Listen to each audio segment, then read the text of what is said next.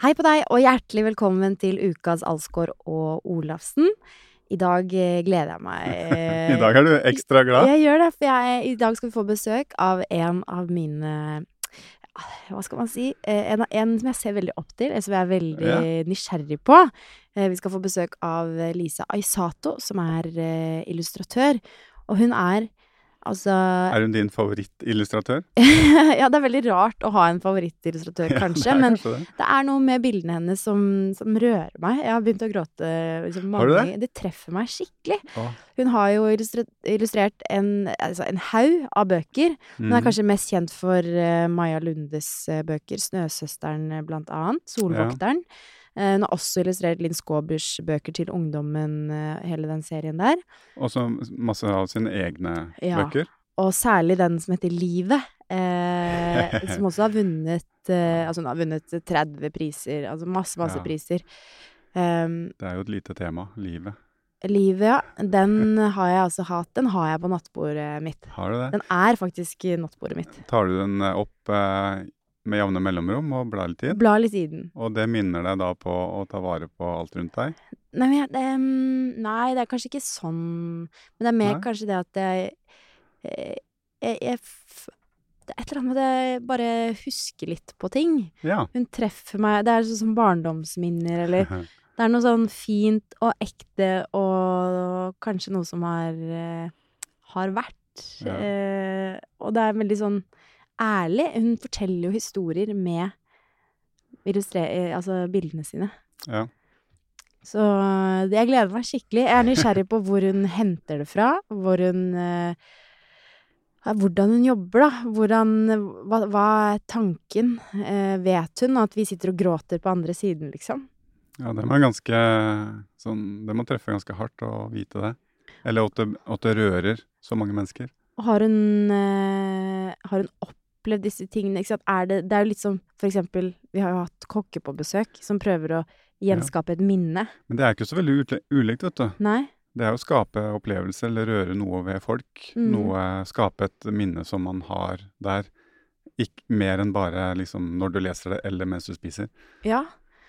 Ja, det er noe Jeg syns det er eh, veldig spennende å høre. Jeg vet jo ikke så mye om henne. Jeg, ha, ha, navnet kjente jeg jo igjen, og så da gikk jeg til det stedet hvor jeg alltid går når jeg ikke vet noen ting, og det er Google. Ja. og der, eh, der poppa det opp enormt mye, så det, da fikk jeg jo masse spørsmål. Så jeg, det blir spennende, det her. Det er en verden jeg vet uh, nesten ingenting om. Altså har hun jo liksom lagd en eh, bedrift som går kjempebra. Mange Ja. Ansatte eh, og flere. Hvordan går man fra å bare være glad i å tegne på skolen, som jo de fleste er, til at man har det som et levebrød og har egne ansatte? Ja, og hvordan påvirker det eh, altså det hun faktisk driver med? Ja, Det er jeg også spent på. det er så gøy. Ja, vi får henne inn. Hi-hi.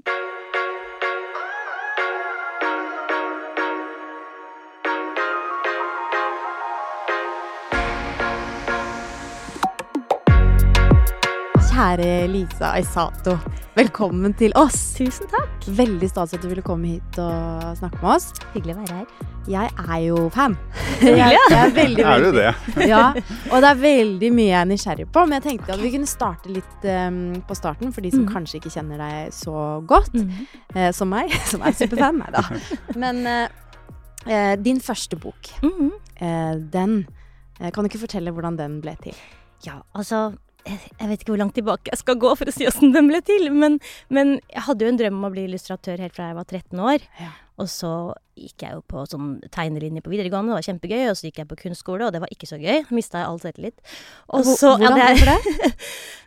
Nei, jeg gikk kanskje ikke på riktige skoler. Eh, Nei. jeg gikk liksom oh, ja. på kunstskoler, og så ville jeg bli illustratør, og det var kanskje litt sånn feil. Var det miljøet der som eh, Nei, miljøet for var deg? kjempefint, okay. eh, i hvert fall på den siste skolen, men eh, du vet, det er litt sånn hierarkier, vet du. Så Å, ja. kunst er liksom litt mer sånn highbrow, og jeg ville bli, bli illustratør, og det er mer sånn figurativt, ikke sant? Jeg vil Å, ja. tegne mennesker. Er det jeg ikke vil tegne anerkjent i abstrakt. den verdenen? Eh, I hvert fall for noen lærere syns de kanskje ikke det var så spennende, da. Shit. Så jeg fikk ikke så veldig gode tilbakemeldinger på, på den ene, i hvert fall kunstskolen jeg gikk på. Eh, så da mista jeg litt den selvtilliten og den troen jeg hadde på at jeg kunne bli illustratør. Eh, dette ble langt, det ble langt, men Nei, Nei, nei, nei. kom igjen. og så begynte jeg å jobbe på kafé og i klesbutikk og litt sånn forskjellig. Men det som skjedde, var at jeg ble innmari forelska Ja. i han som jeg nå er gift med. Um, så satt jeg i den klesbutikken. Jeg søkte da jobb i en klesbutikk der det var lite kunder, sånn at jeg kunne sitte og tegne bak disken. Det er litt sånn, ja, det er litt sånn Det er fælt å smart. si. Ja, det er Ja, smart, det. Um, så da var jeg altså så forelsket. Jeg var sånn du vet, sånn Hollywood-romantisk komedieforelsket. Sånn at det liksom var sånn hjerte rundt huet mitt. Og Ja. når jeg skulle gå mot han, så glemte jeg åssen jeg skulle gå. Altså, jeg var helt sånn, ja, shaky. Så tenkte jeg den måten jeg er best til å uttrykke meg på, er jo gjennom tegning. Så da tegna jeg en liten bok til han, som het 'Til min elskede'. Og jeg liksom visualiserte den enorme forelskelsen, da. Ja. Eh, og så fridde han, og det var god stemning. Eh, men den boka, den sendte jeg altså inn til Gyldendal. Eh, og så ga de den ut som sånn Valentines bok da, i 2008. Akkurat Så- samme boka, uten Ja. noen endringer? Jo, vi måtte forandre litt, da. Ja, for den var jo ja. litt mer personlig. Så Ja, jeg, måtte jeg den, ja, jeg måtte gjøre den litt mer generell. Men fordi det ikke var så salgbart, eller fordi det var for personlig? Det var litt personlig, Ja. ja. Eh, og så dessverre forandret de forsiden. Jeg ville ha en svart forside hvor det sto 'Til min elskede', men de ville ha rød med hjerte på. Da. Ja, ja, ja. ja. Men, men da hadde jeg liksom fått en fot innenfor forlaget, da. Og da hadde jeg masse andre tegninger også, og så begynte ballen å rulle, da. Var det skummelt å, å by, eller gi så mye av seg sjøl ut til vilt fremmede? Mm, litt på en måte, men det var mest bare supergøy. Ja. Og liksom flaut å si det, da, men jeg husker da boka kom ut, og så gikk jeg opp på bokhandelen på Oslo City, og så så jeg min bok. Og jeg var helt sånn, jeg liksom gikk rundt den, og så er det noen som ser på den? Er det noen som satte den med front ut, og var så stolt? Det var ikke så mange som la merke til den, men, eh, men det var veldig stort for meg, da. Mm. Ja. Jeg synes det er noe, det er så noe fint med at du liksom for det første, du ville bli illustratør fra du var 13. Det Mhm. er jo ikke så mange 13-åringer som bestemmer seg for det, kanskje? Nei, kanskje ikke, men jeg vokste opp med veldig mye bøker, da. Ja. Eh, mamma jobba i Gyldendal, i forlag og i bokhandel store deler av min barndom, så litteratur var en veldig stor del av oppveksten. Ja. Mm. Både billedbøker, men også sånn Ringenes herre og Astrid Lindgrens bøker og ting som ikke har så mange illustrasjoner. Mm. Så det å liksom lese vakre billedbøker og tenke at kanskje jeg kunne gjort noe sånt, det, det ble liksom en del av, av livet mitt ganske tidlig. Mm. Mm. Og så er det veldig søtt at du på en måte eh, du mista selvtilliten og søkte eh, jobb i klesbutikk der du kunne tegne. For du, ville- du måtte tegne allikevel. Hvorfor Ja. det? Altså, det er det, kanskje ikke nødvendigvis eh, Altså, det er, det er noe du må gjøre, eller? Ja, jeg kommer liksom alltid tilbake til det. Og så er det litt sånn Jeg har funnet ut at for meg er det litt som å komme hjem, liksom. Ja. Hvis Ja. verden er skummel, eller jeg har litt angst, eller noe er problematisk, så er det å sitte og tegne og høre på lydbok eller en podkast, det, er- det er det tryggeste og beste jeg vet, da. Ja. Så, så uansett åssen livet mitt blir, så vil jeg alltid sitte og tegne litt.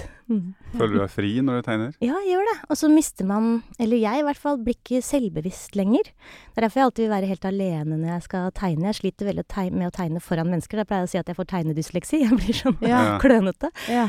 Fordi at det er noe av det deilige er å ikke tenke på hvordan jeg ser ut eller hvem jeg er. Da er jeg bare i, Ja. i hånda og i blyanten, da, på en måte. Mm. Er det forskjell på når du tegner bare for deg selv og på eh, bestilling, på en måte? På Ja, det er, litt, det er litt forskjell på det, men jeg liker begge deler, egentlig. Ja. Det er litt deilig noen ganger å få en ramme, på en måte, Å få en Ja. kontekst. Og så er det også deilig å være helt fri noen ganger, da. Ja. Men skiller du på det helt bevisst, eller, eller er det vanskelig å finne liksom grensen? Hvor er det eh, jobb, og når er det på en måte Ja, altså det er jo Nå som jeg liksom har egen nettbutikk og selger bilder og sånn, så er det vel nesten alltid i bakhodet når jeg lager noe helt for meg sjøl også, at kanskje dette her er noe som kan havne i nettbutikken hvis, hvis jeg blir fornøyd, liksom. Mm. Eh, Så er det vanskelig nå kanskje å bare sitte og drodle og bruke åtte timer på å drodle noe som ingen skal se. Ja. Jeg kjenner litt på det, men treng, egentlig burde jeg gjøre det mer. Ja. Egentlig. For at den drodlinga kan føre til skisser som jeg kan bruke senere. Så egentlig så burde jeg gjøre det mer, ja. Bare Ja. tegne for meg sjøl. Mm. ja. Det er jo litt som idrettsutøvere. Sånn. Skal jeg Ja. bare leike meg kanskje på Ja. Løkka, eller skal jeg trene på de frispark... Eller sånn, Jo, skjønner du hva jeg det er mener? Ja, ja, ja. Det er sikkert litt Jeg samme syns det var spennende du sa, fordi jeg kjenner jo litt igjen fra jeg var liten, og nå, fortsatt i dag også. Det er jo Eneste gangen jeg virkelig føler meg fri, er jo når jeg er ute på ski aleine. Ja, ikke sant? Eh, Men med en gang hvis jeg skulle gå foran et kamera, eller en Mm. trener skulle filme for å se teknikk, mm. selv om jeg visste at jeg var ingen i verden som gjorde det bedre enn meg, så så følte jeg meg bundet med en gang. Ja. Eller at da fikk jeg sånn prestasjonsangst. Ja, det er akkurat samme jeg også kan føle. Ja. Og det er også mange som spør, spør om jeg kan ha tegnekurs, eller om jeg kan vise prosess. Og jeg kunne sikkert filma meg sjøl tegne og sånn, men, men da, da, da blir jeg Da mister jeg den der eh, deilige ikke-selvbevisstheten som Mm. er der. Altså, det er liksom noe med Det å kan være fri. Øysteins blyant gjøre. Ja, ikke, han er jo helt rå på Ja, ja. det der. Han er jo kjempegod. Han klarer kanskje ikke å tegne aleine. Jeg vet ikke. Jo, jeg tror han klarer det òg, sikkert. Vi er men, eh, ja, vi er forskjellige. Og jeg kunne sikkert trent meg masse på det, kanskje, men jeg tror ikke jeg vil bruke energien på det. Jeg vil heller bruke energien på å skape noe jeg er fornøyd med. A lot can happen in three years, like a chatbot may be your new best friend. But what won't change? Needing health insurance. United Healthcare Tri Term Medical Plans, underwritten by Golden Rule Insurance Company, offer flexible, budget friendly coverage that lasts nearly three years in some states. Learn more at uh1.com.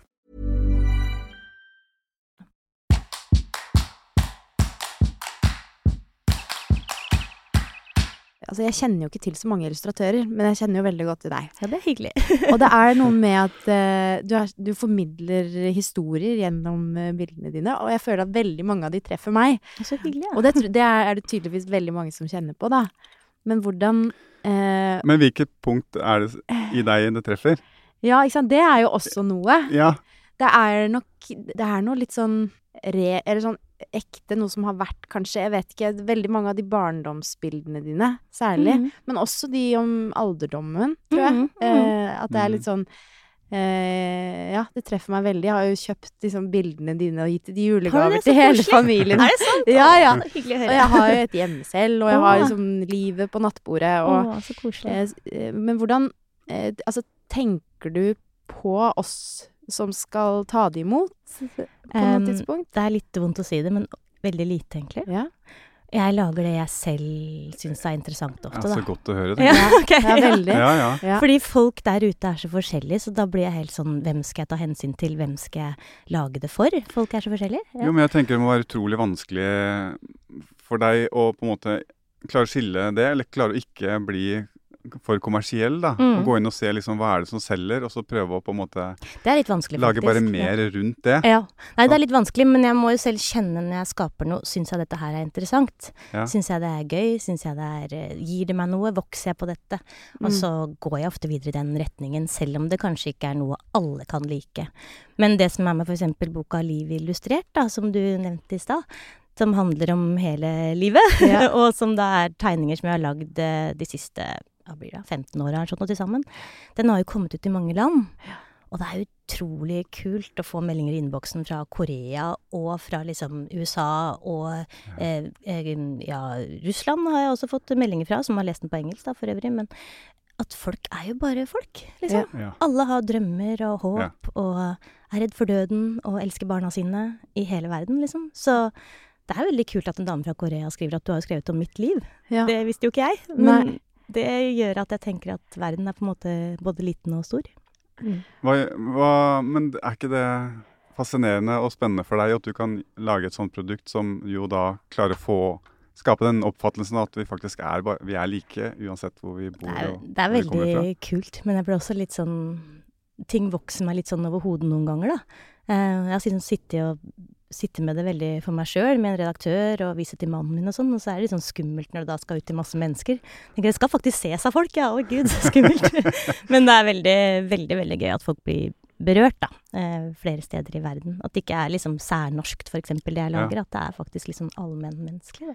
Ja, det føles, altså, det føles jo ut som du på en måte kan livet, føler jeg. Når, når jeg eh, leser eller ser Ja, man sier fortsatt at man leser eh, Ja, bildebøker, eller? Ja, man sier vel Opplever det. de? Opplever de er veldig fint, ja. Ja. Det er fint. Man kan, Eh, ja. man kan jo lese et bilde. Det er Ja, ganske mye Masse ord i et bilde. Eller Ja. mye, ja. Og så er det jo ofte fortellinger i bildene, selv om det Ja. ikke er ord, på en måte. Så du kan godt Ja. si lese et bilde, kanskje. Men, eh, men jeg har jo Jeg måtte jo intervjue litt folk da, da jeg lagde den boka. Jeg visste Ja. jo åssen det var å bli 60 og 70 og 80 og 90. Mm. Så da Jeg huska tilbake til noen samtaler jeg hadde med Klaus Hagerup, for eksempel, eh, før han døde. Han snakket en del om det å bli gammel. Ja. Og våkne opp og, og se seg i speilet, og så tenker man at man er 22, og så er man liksom 70. At At det var litt nedtur, og opp sann, der var en gammel mann som så tilbake Ja. på deg. Ja. Og intervjua bestemoren til mannen min, som da var vel 87 eller sånt noe. Ja. Hvor hun snakket om at eh, det er fantastisk å få et langt liv og ha stor familie, men på et eller annet nivå føler du deg ensom når alle rundt deg som har, har felles ungdomstid og barndom med deg, er borte. Så Ja. blir det en ensomhet uansett om du vil eller ikke. Mm. Så det var en del sånne perspektiver jeg ikke hadde tenkt på, da, som jeg tok med i boka. Mm. Mm. Du må være veldig sånn empatisk, men det, være, det er ikke noe Big Five personlighetstest-podkast, dette her. Men eh, det, eh, du må jo sikkert fø å ta inn de følelsene som de forteller deg, da, for å klare å liksom formidle det videre. Prøver iallfall det. Mm. Um, og så er jeg veldig glad i å observere folk. ja. Det er jeg også. Og jeg bor jo på Hvaler, som er et veldig vakkert sted. Ja. Ja, Og folk sier sånn 'Å, du blir sikkert veldig inspirert av svabergen og bølgen'. Ja. ja. Men jeg, blir mer, ja, men jeg blir mer inspirert av å sitte på trikkeholdeplassen her i Brugata og se på folk, egentlig. Ja. Det er folk som inspirerer meg. Det er Folks det- holdninger Det er og for at det stort sett ikke er folk på Hvaler. da. Ja, det er litt Annet enn i juli-august. Sommeren er det veldig mye folk. Da er det mye Ja. raringer der òg. Det er veldig morsomt. Jeg vet ikke om det er så hyggelig for deg å høre, men det er en gøy historie. For at jeg kjøpte et bilde til mormoren min. Jeg vokste opp eh, rett ved siden av mormoren, da, så jeg har alltid liksom vært der på frokost. Og når vi har vært Mhm. sjuke og sånn, så har vi vært hos mormor. Og eh, jeg kjøpte et bilde som du har eh, illustrert, av en gammel dame eh, i pysjamas Mm. med en kaffekopp. Ja. Og hun ser ut som et lite Hun ser veldig morgentrøtt ut. ja, veldig. Morgenkaffen heter det. Ja. ja. Og jeg var, det var liksom, for meg så var det mormor, da. ja.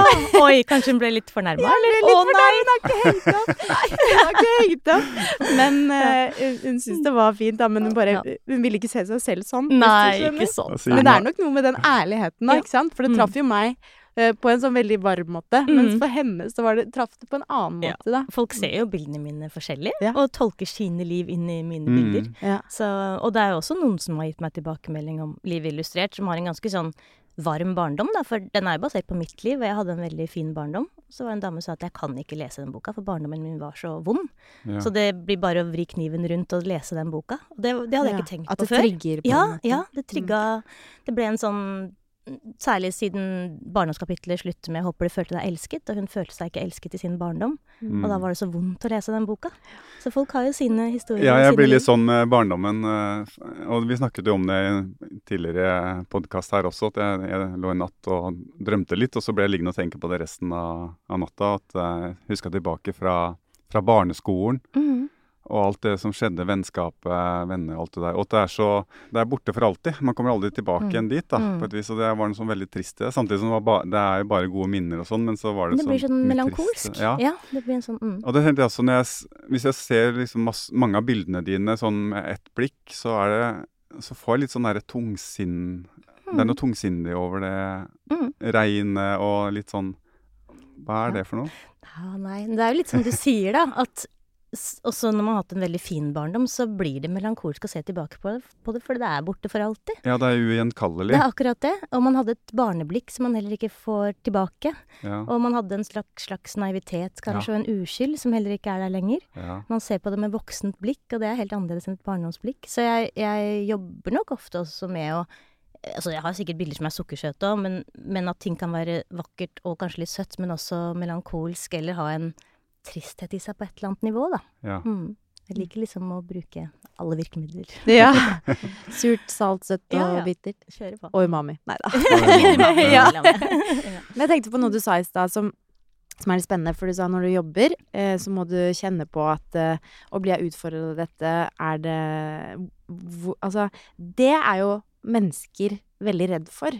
Mm. Og hvordan kjenner du det? Er det sånn Å, dette er vanskelig. Eh, Mm. stopper det for deg? Hvordan jobber du igjen? Altså sånn Hvordan omfavner du liksom den følelsen? Mm. Nei, altså, det hørtes jo veldig fint ut å, å si at eh, jeg gjør det som utfordrer meg, men det er jo masse ting Jeg har jo masse bilder som ikke har blitt noe av, og jeg har stoppet opp og kjent at det her får jeg ikke til.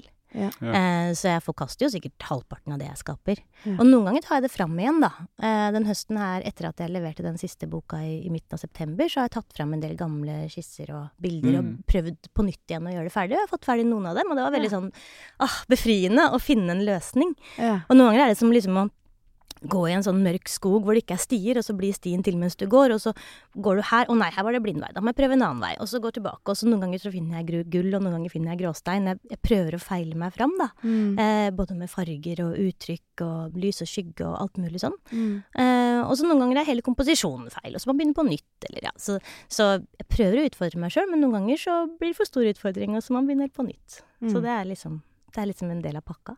Men jeg får en litt dårlig dag, da. Når jeg har Ja. brukt åtte timer på noe som ikke ble noen ting. Ja, det det er en nedtur. Men det jeg glemmer, det er jo at det er jo en Da har jeg jo kommet videre på et, annet- et annet vis, sikkert, inni huet mitt. Jeg bare har, har ikke noe resultat. Nei. Mm. Mange vil si at du har kommet ekstremt langt. Ja. Jo, jo, takk. Det, ja. Men, ja. Men det er jo kanskje litt som trening, jeg vet ikke, jeg. Eh, blir en slags øvelse, da. Jo, altså, stedet, ja. vi får jo aldri noe sånn ferdig resultat etter trening. Nei, ikke sant? måte. Det er vel litt det samme, da, kanskje. Ja.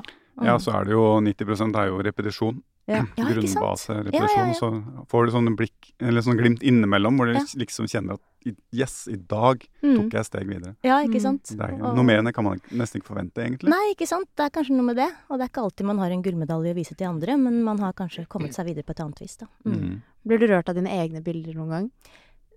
Nei, jeg, det er litt Uff, det er litt fælt å si det, men som oftest så blir jeg veldig sånn Nei, skulle jeg jobba litt med den nesa der, eller eh, skulle jeg hatt litt mer lys på siden der? Ja. Jeg har noen bilder jeg har laga sjøl på veggen, men ikke så veldig mange, for jeg blir sittende liksom og se i sofaen sånn Nei, skulle tatt en liten runde. så jeg så veldig Jeg blir veldig analytisk da, når jeg Ja. ser mine egne ting. Ja. Mm. Klarer liksom ikke å men, men sånn som Men når andre tar det videre, da, sånn som noen bøker jeg har lagd, f.eks. har blitt teater og, og sånne type ting, og Mm. film og sånn, da er det jo andre som har jobbet videre med mine ting, og da kan jeg virkelig nyte og kose meg, da. Mm. Det er veldig fint. Sånn som uh, Snøsøsteren hadde premiere på Det Norske Teatret nå på lørdag, det var helt fantastisk. Ja. Mm. Ja, det var stort. Men der har ikke jeg vært så veldig involvert, da, bare litt grann på starten. Mm. Ja, du har jobbet litt med Scenografien litt, grann, ja. Mm, Mm. vært litt med på det. Uh, og en bok som heter 'Odd er et egg', som jeg Mm. lagde for lenge siden, det ble en sånn animasjonsfilm. Der var jeg ganske involvert, men likevel var det andre som animerte, og det er jo et eget fag. Altså, da, da er Så ikke det du som tegna Nei, det var ikke jeg som tegna figuren, men jeg tegna alle bakgrunnene. Ja, okay. Så det var også en jobb, men, men de sklir seg fort forbi. Så Ja. den, den kan jeg nyte og kose meg med, liksom. Så det Ja. hjelper at andre er med og liksom ta det videre. Da kan jeg lene meg litt tilbake og Ja. kose meg med det. Men det er brødvar, liksom. Det er bare, det får det bare unna. Ja, Ja. det er litt sånn. Mm. Mm. Hvordan Eller har du noen gang hatt uh, tegnesperre? Em, nei, ikke full sperre, men det stopper jo opp iblant. Ja. Um, da kan jeg jo se på andre illustratører og prøve å bli litt inspirert og sånn, men det også er sånn balansegang, da. Hvis jeg har Ja. en dårlig dag, så blir jeg bare motløs og lei meg og tenker at jeg er udugelig. Ja. Og hvis jeg har en god dag, så tenker jeg ja, men det var en fin måte å løse på. Kanskje jeg skulle prøvd noe lignende, eller den, det farge, den fargebruken er jo kul. Kanskje jeg skulle testa rødt på det. Ja. Så det er litt sånn vanskelig balanse. Ja. Mm, er mange Da er det triggeret for deg òg. Ja, ikke sant? Ja. Ja. Men det er mange kjempeflinke illustratører og kunstnere der ute. Så, men man må liksom trå litt varsomt fram, så man ikke mister seg sjøl oppi det. Hvem er det du går til da, hvis du trenger noe Ja, det er- ekstra? Særlig to, dere har sikkert ikke hørt om dem, for det er litt sånn sære. en er fransk, som heter Rebecca Dotremer, som jeg syns lager Mm. fantastiske illustrasjoner. Og så er det en spansk-italiensk illustratør som heter Roger Olmos. Ja, så det er Mm. flinke folk. Og så er det sånn Svein Nyhus, som er norsk, som også lager fine ting. Og mange flinke folk, altså. Når du ser andre verker, enten det er kunst eller illustrasjoner eller hva som helst, eh, hvordan ser du på det? Er det da med et faglig blikk, litt sånn granskende, eller lar du deg rive med? Nei, da kan jeg la meg rive med, altså. Ja, absolutt. Eh, Men hvis jeg liksom er sånn som jeg sa i stad, at jeg sitter fast og vil, vil bli inspirert, så kan Ja, jeg bli litt sånn analytisk og tenke Ja, litt mer faglig. Mm. Men hvis jeg bare blar i en bok eller noe sånt, så kan jeg sitte og nyte og kose meg veldig. Mm. Blir du noen gang eh, lei? Ehm, jeg kan bli lei av mine egne tanker og mine egne ideer, kanskje. Jeg jobba jo for Dagbladet i elleve år. Hver lørdag i elleve år hadde jeg en illustrasjon på trykk i Dagbladets lørdagsmagasin. Da ble jeg nok litt lei til slutt, så der slutta jeg eh, når det bare ble samlivstekster. For det første først var det tekster litt om skole, det var Tora Stoltenberg som skrev om å bli, bli eldre, det var mye mer variasjon. Og til slutt skulle det bli en ren samlivsspalte, sex og samliv, og da kjente jeg at jeg kom på en idé, og så Nei, den har jeg tegna før, ja. Og så kom jeg på det. Nei, den har jeg også laga før, for fire år siden. Altså det var liksom Da Ja. kjente jeg at det stoppa litt opp, rett og slett. Da Ja. ble jeg litt sånn tom. Mm. Eh, for det var mye de samme temaene om igjen og om igjen hver uke. Så da måtte jeg kaste inn håndkleet og si at jeg tror ikke jeg har noe mer å bidra med her. Ja. Så da ga jeg den videre til en annen illustratør. For jeg vil jo tro at når liksom eh, tegning er hobbyen din, Mm. og jobben din, Mm. Så er det litt sånn eh, Og sikkert også litt sånn likhetstegn med deg, kanskje. Ja At da, du liksom absolutt. uten det, det så Ja, det er jo identiteten min på et vis, da. Ja. Eh, illustrasjon. Og jeg har jo, det er litt flaut å si, jeg har jo ingen andre hobbyer, nesten. Det er Nei. å se på TV, se på TV-serier, Ja. lese gode bøker. Eh, jeg har jo aldri drevet med noe særlig idrett. Jeg har liksom bare sittet for meg sjøl og tegna, da. Mm. Som også egentlig er ganske sånn asosialt, da. Mm. Vært mye inni mitt eget hode og inni mine egne hender, på en måte. Mm. Um, så det er jo den jeg er, på mange vis. Jeg vet at jeg er mamma og kone og sånn, da. Men, um, så, så det hadde vært veldig trist hvis jeg kjente at nå får jeg ikke til mer i det hele tatt. Det hadde Mm. vært veldig trist. Men da er det kanskje å komme tilbake til det å drodle og ikke skape til noe. Altså da, da kan jeg jo føle at uh, hvis jeg bare tenker at jeg skal bare tegne noe, Mm. liksom, som ikke jeg skal bruke til noe, da kan man få tilbake den gnisten litt igjen, da. Mm. Kanskje litt sånn, jeg vet ikke hva Leke det er med litt, dere. liksom. Ja, leke litt, ja. Ja. Kanskje det er litt sånn med dere også. Hvis man Mm. blir lei, at man bare ikke tenker så alvorlig på det. Bare ikke ta det så alvorlig. Ja. Ja, ofte bare vite Eller bare tenke at man, man har muligheten, man, man har frihet til Mm. å gjøre det man vil. Så Mm. kommer kanskje lysten også til å, til å levere sterkere fram, da. Men hvis det hele tiden er noe deadline, hele tiden ting du må gjøre, så Mm. er det lettere å bli låst. tror ja, man kan bli litt låst, men samtidig så kan jeg også jobbe ganske bra under press. Så det er liksom ja. begge deler. Ja. Mm, det er litt sånn. Ja, for du Thomas, du har jo drevet med langrenn, men du ble jo Du elsker jo langrenn, men du ble jo også lei Du trengte jo noe annet. Ja, jeg trengte masse annet. Mm. Og det er jo nettopp av den grunn at jeg følte jeg måtte ha muligheten. Mm. Så det er mange morgener hvor jeg sto opp om morgenen og kjente at uh, i, i dag jeg har ikke lyst i det hele tatt. Jeg er ikke Nei. motivert, jeg er sliten og sånt. Og da har jeg bare tenkt at ja, men det er greit. For det, Mm. det er jo jeg som bestemmer det, om jeg vil dra ut og trene i dag eller ikke. Ja. Så jeg har bare slått meg til ro med at uh, jeg kan ta fri, for det kan jeg gjøre. Mm. Og så gjør jeg det, og så går det et kvarter, halvtime, og så kjenner jeg det er jo litt godt å være ute. Ja. Jeg, kan jo bare, jeg kan jo bare ta det litt med ro, og bare, Ja, bare være ute, liksom. Og så blir det Ja. full dag ja, det er kanskje litt samme, da. Men bare kjenne at det er Mm. jeg som bestemmer det. Ja, ikke sant. Det Det er er- veldig godt. Ja, det Ja. er det.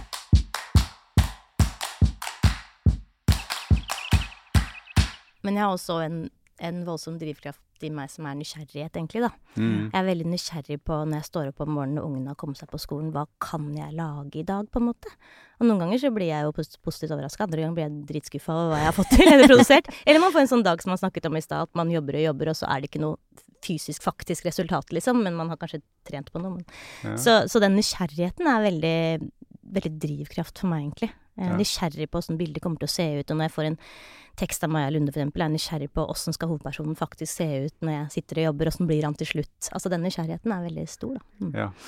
Det er veldig Det er jo egentlig akkurat som å høre deg snakke Er om det eh, Ja, men om trening eller Ikke sant. Det er jo eh, sånn, Mange lurer på hvordan man kan gjøre hobbyen sin til jobb, Mm. og hva som skjer idet det kanskje blir en jobb. Mm. Klarer man fortsatt å holde på den leken og den kjærligheten som Mm. var der i utgangspunktet? Mm. Eh, og så blir man jo kanskje fanget i at man må produsere, og- men den derre nysgjerrigheten Jeg Mm. mener at det er den som veldig, veldig, veldig ofte eh, skiller de aller beste. Ikke sant? Fra de som ikke når helt opp, da. Okay, ja. ja, det er jo Det vet vi jo. Det kjenner jo altså Det er jo det som er kjennetegnet på de fleste enere, eller de som virkelig får til noe i hver, hver bransje, er jo det. Nysgjerrigheten på Mm. alt og alle hele tiden. Og liksom ikke vite at man eh, vet Eller den derre holdningen at man vet best selv. For det er jo Mm. også lett sikkert når du har oppnådd så mye som du har gjort. Altså eh, å overraske deg selv. eh, Det, ja, det er veldig gøy når man går litt nye veier, eller ser selv at å ja, det, det har jeg ikke gjort før, det var jo artig, på en Ja. måte. Mm, det er veldig gøy. Men det er jo også litt sånn jeg vet ikke hva jeg sier, skummelt noen ganger også, fordi at jeg liksom eh, føler meg litt sånn tømt iblant. Og så Ja. blir man litt sånn har jeg, har jeg noe mer? Eh, og så driver nysgjerrigheten meg videre til å presse ut noe nytt, og så ja, det var mer her. Ja, det er bra. Mm. ja. så det er litt sånn. Mm. Men hvordan går du da liksom veldig langt bort fra det du egentlig driver med? For å ta et uh, mer sånn uh, idrettseksempel, da. Thomas uh, måtte ha noe annet, så han begynte med rally, på en Å oh, ja, det visste jeg ikke. Eh, ja, men det er jo Men du lærte jo Du tok sikkert med deg et eller annet derfra inn i langrennen også. Absolutt. Eh, begynner du da å liksom Vet ikke Tegne med kull? Jeg vet ikke. Ja, ja, nei, men altså, ja, nye teknikker er absolutt en, en, et fint verktøy det, for å tenke litt nytt og prøve noe annet. Og jeg har jo utvikla streken min eh, lenge, men så syns jeg også det kan være gøy å gå tilbake til lerret og pennesplitt. Og Ja. gå litt sånn frem og tilbake. Mm, Ja. så Hender det ikke at du går en tur ute på Svabergene i solnedgangbakke og liksom får inspirasjon av lyset, eller Å, jeg, jeg kan si ja, men det er å ljuge. Si det. Si det. det så ofte, altså. Det er så flaut. Jeg løfter blikket veldig lite. Jeg ser veldig mye ned på papiret, ass. Det er litt ille å si det. Men det er ikke det, for det er liksom typisk at havet er jo kanskje det som er den største inspirasjonen til de aller fleste. Ja. Men jeg, det, altså det kan jo være at jeg blir ubevisst inspirert. Det kan jo være. Det kan være. Ja, at Ja, jeg liksom ikke sitter og tegner havet sånn direkte. Men, men det er jo et fantastisk vakkert sted jeg bor på. Ja. Og, og naturen er jo en del av bli, Har på en måte blitt en del av familien vår, holdt jeg på å si. Mm. Naturlig. Så det kan jo hende at det bare sniker seg inn. Men, men helt sånn aktivt så går jeg ikke ut og, og maler fargene på himmelen. Det er flaut å si det. Men det skjønner jeg, for det virker som et veldig godt sted å være inne i Lisa Ja, ja, absolutt, veldig lunt og fint Ja, sted. Det er veldig trygt og lunt og, og vakkert og fint. ja.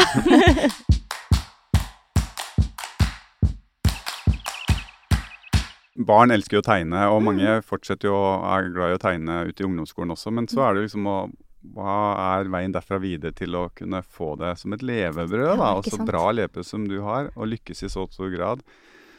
Bare det å tan tenke tanken at uh, det her er jeg glad i, dette er jeg flink til, dette kan, kan også være et levebrød. Mm. Nei, det var altså det å Veldig mange slutter jo å tegne når de er sånn 13-14, kanskje. Jeg tror Ja. kanskje det er fordi at man tenker at man skal bli være så flink. Man skal gjøre det pent, og man skal gjøre det sånn fotografisk riktig. Og, så jeg har vært mye rundt på skoler, det er jo lenge siden nå, men jeg reiste jo mye rundt på sånn turneer og sånn. Det var litt slitsomt, så jeg ga meg til slutt, men jeg gjorde det en stund. Og da prøvde jeg å lære ungene å, å ikke være så flinke.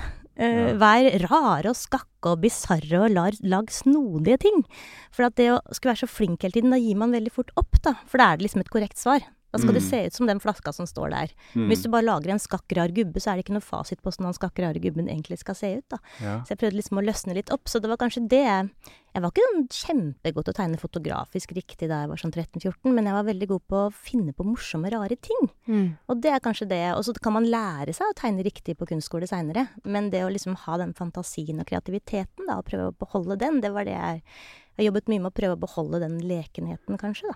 Ja, det tror jeg jeg leste et annet sted, hvor vi Ja. var veldig flinke til med barnetegninger å si at det er en veldig fin tegning, men himmel, himmelen skal være blå. Ja, ikke sant. Ja. Du har brukt en feil Ja, farge. ja. Nei, lag lilla himmel, kjør på, liksom. Ja, Ja, ikke gjør det så korrekt. Så um, ja. Det, men jeg husker jeg ikke helt hva spørsmålet var igjen. Jo, hvordan man Eh, tar det liksom videre, det steget Ja, der fra ja, at det det, er bare veldig gøy og at du er flink. Ja. Nei, altså, det er jo litt ille å si. Men jeg møtte jo han som jeg ble så forelsket i. Og jeg hadde veldig lyst til å satse før jeg møtte han også, men jeg klarte det ikke. Jeg hadde, det var ikke økonomisk mulig. Um, så det han sa, var at kan ikke vi bare leve på min lønn i to år? Og så bare gjør du så godt du kan. Hvis du ikke tjener noen penger første to årene, så gjør du ikke det. Men da får du iallfall Ja. jobba fulltid med tegning. Og så, Det var det jeg trengte som en, Det var den friheten jeg trengte da, til å starte. Mm. Men da hadde vi ikke barn, og vi hadde ikke så mye lån, og det var litt lett å starte sånn sett. Men det betyr ikke at alle må finne seg en uh, mann som jobber, eller en kone som jobber, det er ikke det jeg sier. Men det var det som gjorde at det ble en lett, lettere start for meg, da. Mm. Eh, for da jeg jobba i den klesbutikken og tegna bak disken, så ble jo ikke akkurat så mange timer tegning som jeg ønsket. Mm. Og så var man sliten når man kom hjem fra jobb, og så var det liksom å sitte og tegne på kvelden blir ikke helt det samme. Mm. Så når jeg på en måte fikk det lille sånn det var både motivasjon, og jeg hadde lyst til at også å være med og, og betale, da, eh, lån og sånn. Så tenkte jeg at da må jeg søren meg kjøre på og være litt frampå med forlag og sånn, og så kom jeg meg liksom innafor. Mm. Men du får en eh, vanvittig gave. For en fyr. Ja, han er bra, altså. Og nå jobber han for meg, da. Nå jobber vi sammen. Er bra som- lønn, eller? Ja, han skal få veldig bra lønn, ja. Han får, får ålreit lønn. han som driver nettbutikk og galleri sammen med tre flinke ansatte. Mm. Men det er jo også en ting, da, Lisa, at, uh, at det tar veldig mye tid. Mhm. Det tar tid, og, og det vet jo sikkert dere alt om òg. Og noen har jo selvfølgelig liksom oppdaga meg gjennom livet illustrert, men jeg jobba jo lenge før det Mm. med å tegne og, og lage bøker og sånn, så det tar jo tid å, å bygge opp en karriere, liksom. Mm. Og så ser folk de som lykkes, men det er jo Må jo si at det er mange andre flinke illustratører der opp- ute også. Du har jo hørt om meg, men det er mange andre flinke der òg som ikke blir sett. Mm. Ja. Eh, men det tar tid, ja. Det gjør det, altså. Også Mm. ikke minst tar det tid Både tar det tid å bli kjent, og det tar tid å komme seg inn i forlag, men det er jo enormt antall timer, det vet jo dere alt om. Enormt antall timer som ligger bak. Mm. Altså når man på en måte blir god på noe, da. Så jeg har jo tegna helt sjukt mye. Ja. Så ja, jeg gikk jo ikke på håndball eller drev med noe særlig idrett. Jeg satt, satt jo hjemme og tegna på barneskolen og ungdomsskolen òg. Men er det Går det på bekostning det, Eller det, det vil det jo gjøre. Det snakker, Ja. spør man jo alltid idrettsutøvere om. Ja. Sånn, hva har du ofret? Ja, jeg hater jo det spørsmålet. Jeg også. Hvorfor hater dere Men det spørsmålet? jeg, jeg syns det er interessant å stille Jo, det uansett, fordi ja, kan ikke få svare på det her- først. Da. Nei, nei, nei. Nei. Hvorfor hater du det? ja, du spurte meg Ja. Hvorfor jeg hater det. Jo, fordi det er jo ikke det det handler om. Det er jo, Mm. jeg tar jo et valg. Mm. Jeg gjør jo det jeg elsker mest i hele verden. Mm. Så det handler jo ikke om å ofre eller Det handler jo om å, å ta vare på seg sjøl. Mm, ja. Jeg gjør bare Ikke sant. Og det henger også sammen med at uh, mange, mange sier at jeg har en, må ha hatt en vanvittig vilje, jernvilje. Så er det sånn vilje, jeg aner ikke hva jeg snakker om. Jeg er vilje. Jeg har jo eneste jeg gjort hver eneste dag, er det jeg har lyst til. Ingenting annet. Jeg har ikke hørt noe jeg ikke har lyst til hver dag. det er er jo fantastisk. vilje. Nei, ja, det, Og det kjenner du sikkert igjen i du ja, òg, da. da. Det er det. Og det er liksom Det har vært helt naturlig, da. Det har Ja. nesten ikke vært et valg. Det, altså, det har sikkert vært et valg, men det har vært helt Det har falt Mm. naturlig. Og det har på en måte bare vært den retningen. Det er som vært Jeg føler at jeg har liksom vært en sånn elv som bare har ført meg i den retningen. Strømmen har vært så sterk den veien, da. Mm. Ja. Så jeg kunne sikkert kjempa imot, men, eh, men jeg har jo ikke hatt lyst til det. Er jo den veien jeg ville gå. Så det da- føles mer som eh, egentlig en jobb, på en Ja, måte? på en måte. Ja. Gjør det jo det. Altså, det er jo jobb også, men det er jo Jeg er jo veldig mye flyt i løpet av en dag, og det er jo luksus, da. Men da vil Det er jo det. Sikkert ikke du heller kjenner på at det har vært så mye ofring? Nei, nei, jeg vil jo ikke si det. Eh, og jeg hadde jo Jeg var jo sosial og hadde venner og hadde det veldig fint eh, på barneskolen. Eneste jeg kjente litt på av og til, var når liksom alle vennene var, sånn, var på sånn håndballcupen-helg. Ja. Og, og de kom tilbake og fortalte om alt det gøye de hadde gjort. Da jeg var sittet hjemme og tegna og sett på TV, liksom. Det var litt sånn.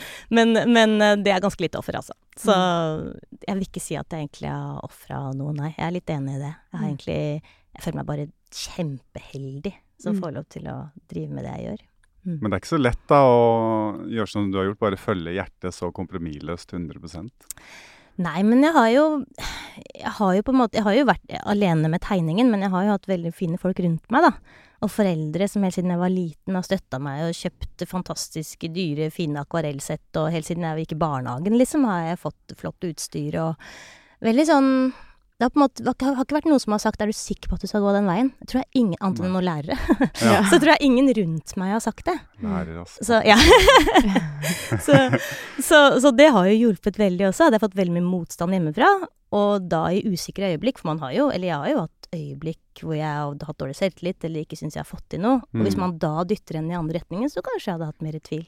Mm. Men jeg har jo ikke hatt det. Jeg har bare hatt folk rundt meg som har sagt at det er riktig å gå den veien. Så. Hva sa lærerne? Var det sånn eh, Så du skal legge bort, ikke bruke så mye tid på tegning, gjøre leksene dine, viktig å få en god utdannelse, Ja, få seg en jobb? Nei, altså det, var- det var jo på kunstskolen, da. På, på ungdomsskolen så var det faktisk en lærer som sa jeg syns du skal bli illustratør. Før jeg skrev det i en stil. ja. Å. Så samfunnsfagslærer, vi jeg hadde tegna noen veggplakater og noe greier. Så de sånn allmennfagslærerne på en måte var jo veldig på at jeg skulle tegne. Men nei, det var, det var én lærer på den ene kunstskolen som, sa, som spurte hadde kanskje laget et bilde som ikke var så heldig, da, jeg vet ikke. Så spurte han om jeg hadde tegna noe særlig før, og så ble jeg sånn Hæ, ja! Hele livet? ja! Men det kan godt være at akkurat det bildet ikke var så fint, altså. Og så sa hun liksom at eh, ja, kanskje ikke du skal leve av å tegne. Har du det ja. bildet fortsatt? Nei, vet du hva? Det ble solgt, og det var jo litt hyggelig. Ja. At akkurat det bildet ble solgt. Så tenkte jeg ha-ha. Så, Det er lov å fryde seg over det. Ja, jeg fryda meg litt Shit, over det, altså, altså. ja. Men uh, jeg tror kanskje For det, det, på den skolen så hadde vi sånne salgsutstillinger da, innimellom. Og da husker en sånn juleutstilling at jeg solgte mest. Og det var veldig kult, for jeg hadde kanskje fått dårligst tilbakemelding. Så tenkte jeg ikke kanskje folket liker meg, da. Kanskje Ja. ikke liksom kunstlærerne med stor K, men kanskje folket. Og det er jo litt sånn jeg er nå. Ja. Jeg er jo litt sånn folkets illustratør. Jeg er nok ikke illustratørenes illustratør. Nei. For jeg tror nok jeg er litt for sånn Hva skal jeg si, ja? Litt for uh, følsom i stilen. Jeg er Ja. ikke så kul, liksom. Nei, jeg skjønner. Jeg er ganske sånn inderlig i stilen min, da, og det er ikke Ja. alltid det er det kuleste man kan være. Men jeg er veldig fornøyd med å være folkets illustratør, ja, altså. Ja. Topp, det. Mm. Ja, for det er kanskje eh, Jeg vet ikke. I hvert fall for meg så er Eller kunst virker jo noen ganger litt sånn utilgjengelig. Mm. Litt Ja, men det gjør det for meg hemmelig, også. Ja. Mm. Eh, mens det gjør jo Det syns jeg ikke dine Nei, jeg kjører på, jeg. Ja. Med, med følelser og alt mulig. Det er ikke så abstrakt. Det er, eh, ja. Men det kan være en Men allikevel dybde i det. Ja, ja, ja. Mm. Men, men jeg, jeg har alltid eksempel en figur i bildene mine. Jeg klarer ikke å lage bare svaberg eller, eller liksom et, et spennende lys bare. Det må være et, en karakter inni det. Det er det jeg syns er gøy, da. Jeg vil jo absolutt si det, de er så langt unna enkle, banale som det går an. Altså, det Ja, er jo det er Hvert eneste bilde så kan det jo leses på tusen forskjellige måter, avhengig av hvilken sinnsstemning man sjøl er i der og da. Ja, men det var fint sagt. Så de er utrolig dype. Mm. Takk. Mm.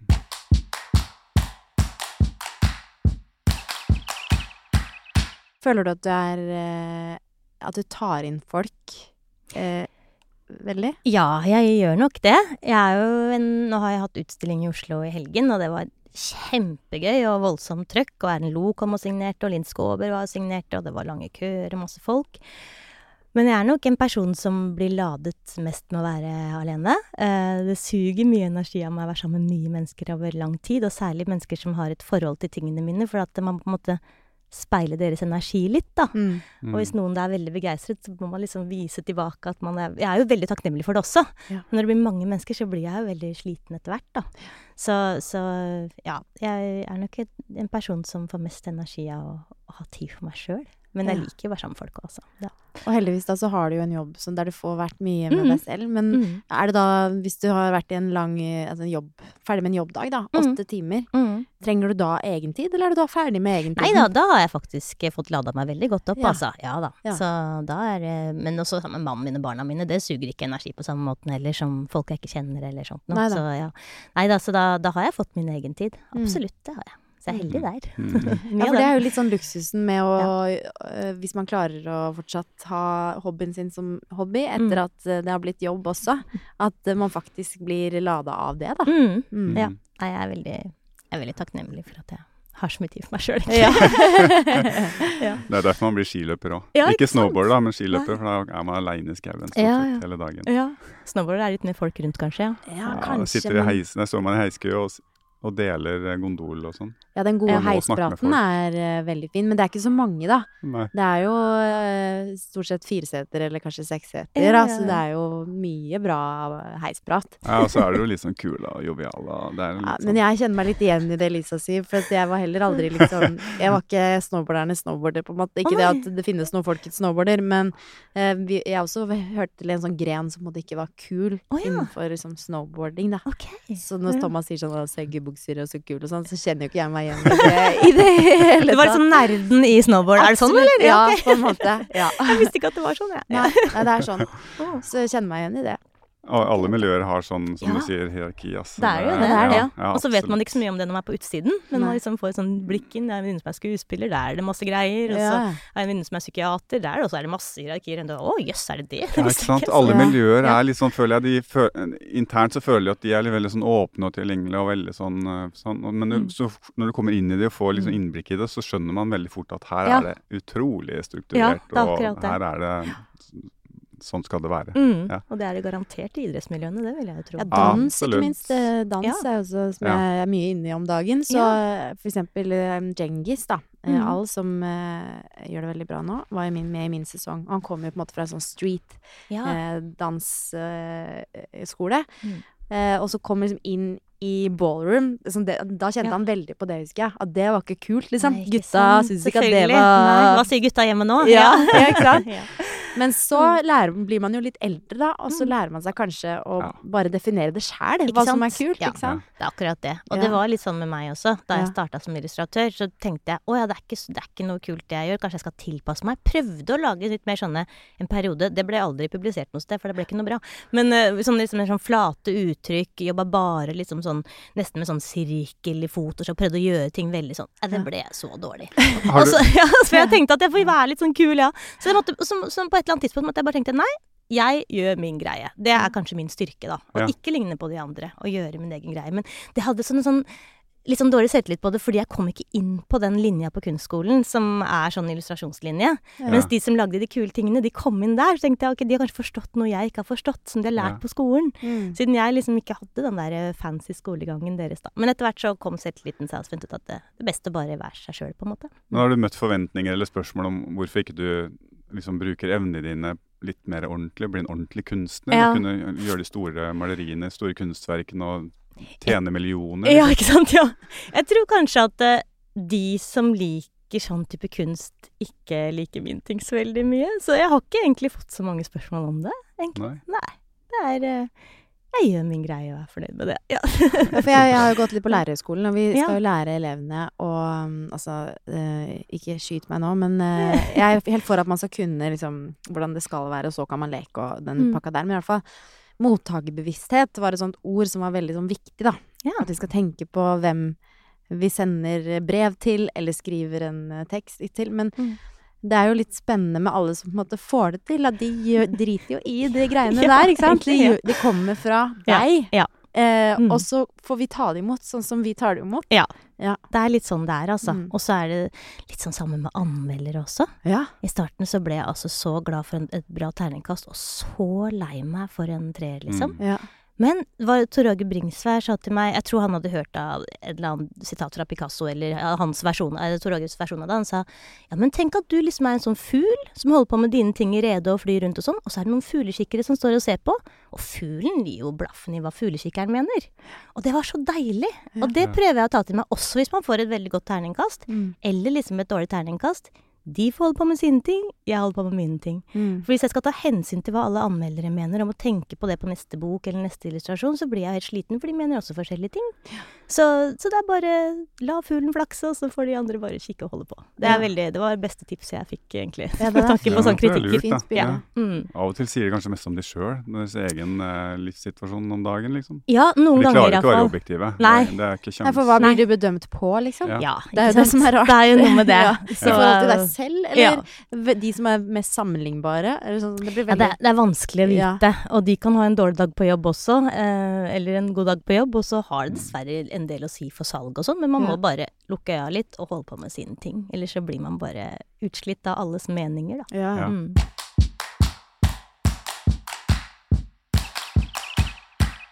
Hva er det du er nysgjerrig på om dagen da, Lisa? Nei, nå er jeg Akkurat nå er jeg faktisk veldig nysgjerrig på den nye teksten til Maja Lunde. For vi skal begynne på bok nummer tre. Vi har lagd to bøker sammen. Så hun skulle sende over manus på den neste boka, som vi skal begynne å tegne på i januar. Så det gleder jeg meg veldig til. Ja. Så, men nå fram til jul skal jeg bare kule litt, egentlig. Ja. Ja. Eh, For nå har jeg vært så, det har vært så hektisk. så, og liksom det var litt sånn siste bøygen, den utstillingen her, så nå skal jeg prøve bare å ta det litt med ro. Og kanskje liksom sånn som du sa, drodle litt og Mm. tegne litt uten å tenke at det skal brukes til noe. Kanskje det blir brukt til noe, kanskje ikke. Eh, fram til jul skal vi ha litt åpent i galleriet mitt på Vardø og litt sånn. Og så begynner jeg på ny bok med Maja i januar. Det gleder jeg meg veldig til å jobbe med Maja igjen. Du, du har jo barn som uh, sikkert også tegner. Hender det at de har med seg en tegning hjem fra skolen, og så ser du at det, Shit, det her er litt sånn kult. Her er det en Ja, retning det- jeg kan prøve meg litt på. Nei, ja, ja, ja, sånn ja. Ja, vet du hva? Ja, ja. Dattera mi er ek- ekstremt opptatt av sopper om dagen. Altså, hun tegner så Det mye er jo sopper. soppsesong. Ja, det er soppsesong. ja. Men hun tegner veldig Hun er kjempeflink. Hun er flinkere til å tegne sånn, sånn flinkere sånn fotografisk tegning enn jeg var på hennes alder. Hun Ja. er superdyktig. Eh, så jeg kan bli litt inspirert av hennes ting, faktisk. Altså, Ja. Absolutt. Men sønnen min, han har én sjanger. Han tegner kvinnelige superskurker. Så det er hans greie. Oh, ja. Ja. Så der hvor jeg jobber, jeg har et Det er atelier smalt. Ja, det er veldig smalt. Ikke så smalt som sopp, men eh, ja. Så der hvor jeg, jeg har et atelier i et, liksom et bryggerhus ved siden av huset, og der er det også et gjesterom. Så det gjesterommet er nå pepra med sånn 70-80 kvinnelige superskurker som han har tegna. Wow. ja, ja. Men har ikke, det har du gjort òg? Uh, nei, God, god nei, nok? superhelt Superheltinnen Jo, god nok? den, den har jeg. Hun Ja. er ikke superskurk, da. nei, nei, det er mer er superhelt. superhelt, Superheltinne. kanskje. Ja, Ja, en, en superhelt som ikke er super, bare god nok. Ja. bare god Eh, nok. ja, ja. Ja. Så de har sine greier. Uh, men det er veldig morsomt, og de er jo ekstremt kreative og sånn, så vi tegner en del sammen nå, da. Det er Ja. veldig koselig. Og jeg er veldig glad for at de også liker å gjøre det jeg Selv om du liker best å tegne alene. Ja, jeg liker å tegne alene. Ja, ja, ja. Men dattera mi vil ikke ha noe råd, da. Det vil hun ikke ha. Nei, helst ikke noe råd og tips og sånn. Da blir hun litt irritert. Men hun vil gjerne vise meg det hun lager, da. Ja. Mm. Men eh, ja. Jeg tegner biler, jeg, stort sett. Ja, ja, ja. Alle har liksom sin, eh, sin greie. Hva tegner du, Helene? Nei, altså jeg har alltid slitt med tegning. Jeg har aldri Det får frem liksom alt det dårlige i min personlighet. Eh, Det bare stopper før det kommer ut, da. Jeg får ikke ja. noe ut. Nei. Eh, Men det er sånn som jeg har det med snowboard. Jeg har Ja. aldri Jeg har prøvd én gang på snowboard, og da var det liksom at man skulle stå ned, og så var det liksom en sånn T-krokheis opp igjen. Så klarte jeg ikke å komme meg på den T-kroken. Så jeg måtte liksom ydmykes med å bære snowboardet opp hele bakken Da fikk du aldri noe mestringsfølelse. Da tok jeg meg kakao mens de andre var i bakken, og så ble jeg ikke med i bakken dagen etter. Og det var eneste gangen min med snowboard. Men er det noe sånn kneik på Det er sikkert mange kneiker, da, det er ikke det, men Mm. sånn på snowboard så er det sånn Jeg kunne lært å ta den tekroken Ja. på, på en dag, liksom. Ja, og så ja. hadde du hatt, kunne hatt fine dager i fjellet, da. Kanskje, ja. Ja, men det, det lover jeg deg. ja. Jeg er ikke noe sånn råtass eh, Jeg har veldig sånn motorisk eh, finstemt hånd, men retten av kroppen er litt mer eh, Jeg tror jeg, om, jeg, tror jeg er omvendt. Ja, ikke sant? Ja. Alle har sine greier. Ja, ja. Men det var en liten kneik å liksom være stolt av det du har gjort, og tørre å ville og ønske å vise fram for en hel verden. For det syns jeg eh, Det ville jeg aldri ha kunnet turt. da, Og jeg spilte gitar en periode, Ja. så prøvde jo å lage, lage en sang i ny og ne og sånn tekst, sånn, men jeg har aldri i verden turt å vise til noen, eller Nei. Nei, det er skummelt. Ja. Jeg syns alltid det er skummelt. Det, det var ja. så ufattelig sårbart. Mm, det er sårbart. Ja. Det er absolutt det, altså. Men man må liksom bare lukke øya og håpe på det beste. Men kjente også, du på det i starten, eller har det blitt en vane nå? Kjenner på det enda. Du gjør det? Ja, jeg gjør det. Ja. Og også fordi Jeg kjenner nesten mer på det nå. Ja. Fordi at folk har en forventning til hva jeg lager. Ja. Eh, og veldig mange liker tingene mine, og så er jeg redd for å skuffe dem, da. Men jeg tenker ikke så mye på det før boka er i trykken. Når jeg sitter og jobber, så jobber jeg for meg sjøl og er i min egen verden. Mm. Når jeg er sendt til trykk og sånn, så blir jeg sånn Gud, håper noen liker det, da! For håper at dette slår an. Så det er kjempeskummelt. Det er det. Ja. Og ja. Og husker så innmari godt første gang, for Livet illustrert, som er en bok med veldig lite tekst og mye bilder. Når den skulle komme ut, så visste jeg ikke om at det hadde blitt utgitt en lignende bok i Norge, da, med så mange bilder og så lite tekst, som egentlig var retta mot voksne. Det er jo egentlig ikke en barnebok. Det er for Mm. barn også, men det er ikke egentlig en barnebok. Så jeg var liksom spent på om folk, folk ville liksom skjønne boka, på en måte. Skjønne konseptet. Og det husker jeg første som la ut på Instagram, skrev lite tekst, hashtag litt skuffa, og jeg bare nei! Dette går dritt! De skjønner ikke greia!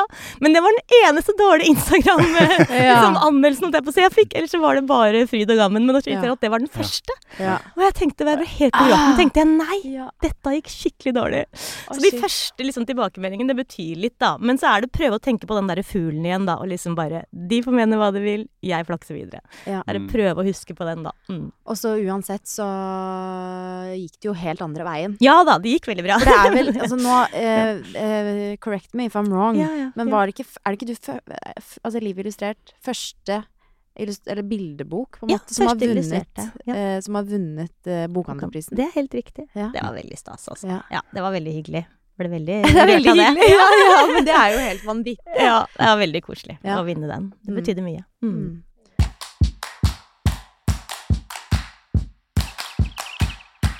Hva er ditt råd til foreldre som har barn som elsker å sitte og tegne?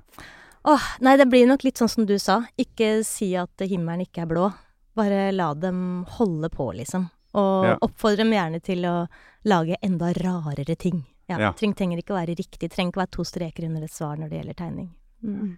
Ja, og så eh, lurer jeg på en eh, siste ting også. Mm -hmm. eh, har du et råd til de som sitter i en jobb som de kanskje ikke er så fornøyd med, men har en lidenskap? Si at det er tegning, da. Mhm. Eh, hvordan eh, ta det steget eh, og satse på det du brenner for? Ja, det er jo alltid veldig skummelt. Men jeg tror at eh, hvis omstendighetene rundt deg gir deg rom til det, eh, gjør det som gjør deg Fortsett med det som gjør deg særegen, da. Eh, sats på det som gjør at du er litt annerledes enn de andre. Ikke tenk at Sånn som jeg gjorde, da. Ikke tenk at eh, jeg må tilpasse meg. Tenk at det er gøy og bra å være annerledes, og kjør på med det, liksom. Men jeg har ikke noe sånn superpraktisk råd for det økonomiske og sånn. Man må bare prøve seg litt fram på. Det får ordne seg. Det får ordne seg, ja. eh, Men støtt deg gjerne på de rundt deg, da. Ja, Finn deg en mann som Ja. gir deg litt Ja, men det er mitt, det er mitt livsråd. Ditt råd? Ja.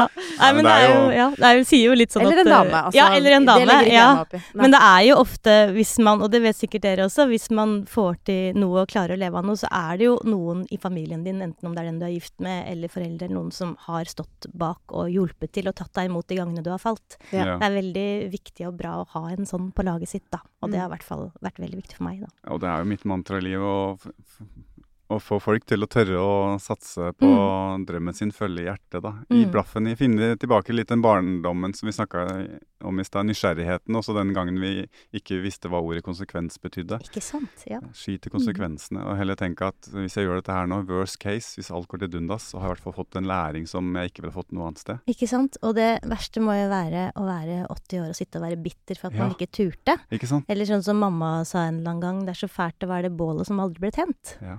Så prøve å tenne det bålet, da. Mm. Mm. Gjør det. Og det er en egen bok, Lisa. Ja, kanskje det. Ja.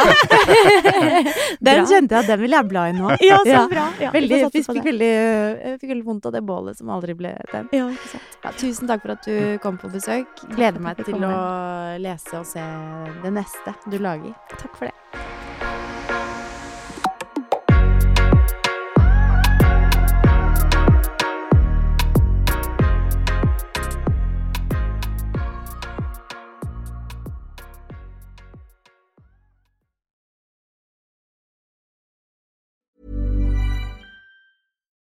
Botox Cosmetic, out of botulinum toxin A, FDA approved for over 20 years. So, talk to your specialist to see if Botox Cosmetic is right for you. For full prescribing information, including boxed warning, visit BotoxCosmetic.com or call 877-351-0300. Remember to ask for Botox Cosmetic by name. To see for yourself and learn more, visit BotoxCosmetic.com. That's BotoxCosmetic.com.